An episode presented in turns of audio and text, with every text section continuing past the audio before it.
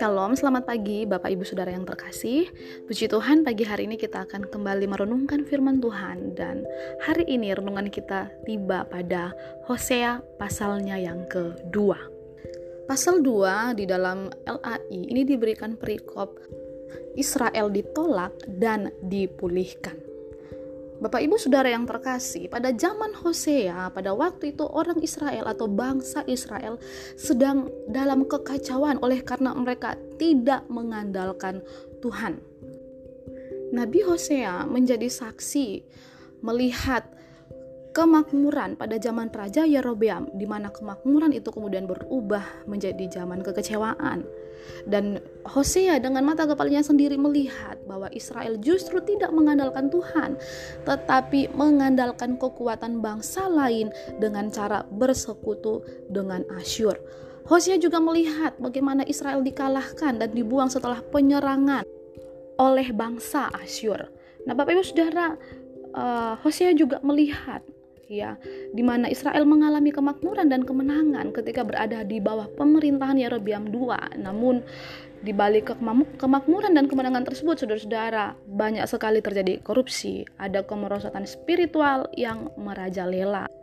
Hal inilah yang kemudian membuat keadaan ekonomi dan moral bangsa Israel semakin memburuk dan keadaan-keadaan seperti itu yang menuntun mereka pada kejatuhan. Nah, Bapak Ibu Saudara yang dikasih oleh Tuhan, Pasal 2 dalam renungan kita pada pagi hari ini memberitahukan kita tiga hal tentang istri Hosea. Pertama, ia dicelah oleh anak-anaknya sendiri tentang apa yang ia lakukan. Mereka tahu ia bersalah dan kedua, saudara-saudara, Hosea menghukum dia karena kelakuannya dan akhirnya dipulihkan sebagai istrinya. Ini bagian yang ketiga. Nah, sekali lagi saudara-saudara di sini pesannya jelas. Dia dicela, dibalas, lalu kemudian dipulihkan sesuai dengan perikop yang diberikan oleh LAI mengenai Israel ditolak dan dipulihkan. Dari perikop ini saja saudara-saudara kita bisa melihat bagaimana Allah yang sebenarnya marah kepada umatnya, tapi tidak bisa tenggelam di dalam kemarahannya oleh karena kasihnya yang begitu besar kepada umatnya, di mana kasih, kata kasih yang digunakan itu adalah kata heset, saudara-saudara, atau kesetiaan. Kata keset inilah yang menjadi kunci di dalam seluruh kitab Hosea ini, saudara-saudara Nah, kata ini sebenarnya merupakan kata perjanjian di mana digunakan untuk menyatakan kepada mereka yang dengannya Allah memiliki hubungan perjanjian. Kata heset ini mengandung arti kasih tetapi juga terkandung syarat di dalamnya artinya kesetiaan. Jadi kasih sejati bukanlah kasih sejati kecuali ia setia. Dan kata keset ini saudara-saudara sering kali diterjemahkan sebagai kasih setia atau kesetiaan. Nah, ini artinya saudara-saudara, kasih yang tidak berubah-ubah dan pengabdian yang tak pernah padam. Di mana artinya Bapak Ibu Saudara kita sedemikian berkomitmen kepada seseorang sampai kita mengasihinya terus apa pun yang terjadi. Dan inilah yang ingin dinyatakan oleh Allah kepada umatnya dalam gambaran hubungan suami istri melalui kehidupan rumah tangga Hosea bahwa sekalipun Gomer istri Hosea melakukan pelanggaran berat di dalam hubungan rumah tangga tapi Hosea selalu selalu ada untuk menunjukkan kasih. Dan saudara-saudara yang dikasih oleh Tuhan, kalau kita melihat di dalam ayatnya yang keempat, Hosea pasal 2, di situ kita lihat bahwa firman Tuhan berkata sebab itu mereka sebab ibu mereka telah menjadi sundal dia yang mengandung mereka telah berlaku tidak senonoh sebab dia berkata aku mau mengikuti para kekasihku yang memberi roti dan air minumku, bulu domba dan kain lenanku, minyak dan minumanku. Dan juga ayat yang ke-6, langsung ke ayat 6, dia akan mengejar para kekasihnya tetapi tidak akan mencapai mereka. Dia akan mencari mereka tetapi tidak bertemu dengan mereka. Maka dia akan berkata, aku akan pulang kembali kepada suamiku yang pertama. Sebab waktu itu aku lebih berbahagia daripada sekarang. Nah, saudara-saudara, kita melihat gambaran Israel melalui kehidupan Gomer. Saat dia kehabisan berkat, dia tanpa malu dan tanpa tahu diri kembali mencari suaminya Hosea. Dalam artian, kembali berbalik mencari Allah tanpa menyadari bahwa segala hal baik yang mereka alami, bangsa Israel alami, kekayaan yang mereka pakai dalam hidupnya, bahkan saat mereka meninggalkan Tuhan atau meninggalkan Tuhan, itu semuanya datang daripada Tuhan, bukan daripada Baal-Baal yang mereka sembah itu, saudara-saudara.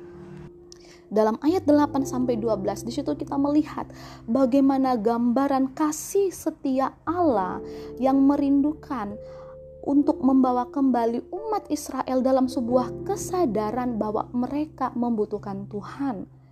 Dan Bapak Ibu Saudara, kita melihat bahwa cinta Tuhan, kasih setia Tuhan, heset daripada Tuhan itu lebih lagi dinyatakan di dalam ayat 13 sampai dengan ayatnya yang ke-22.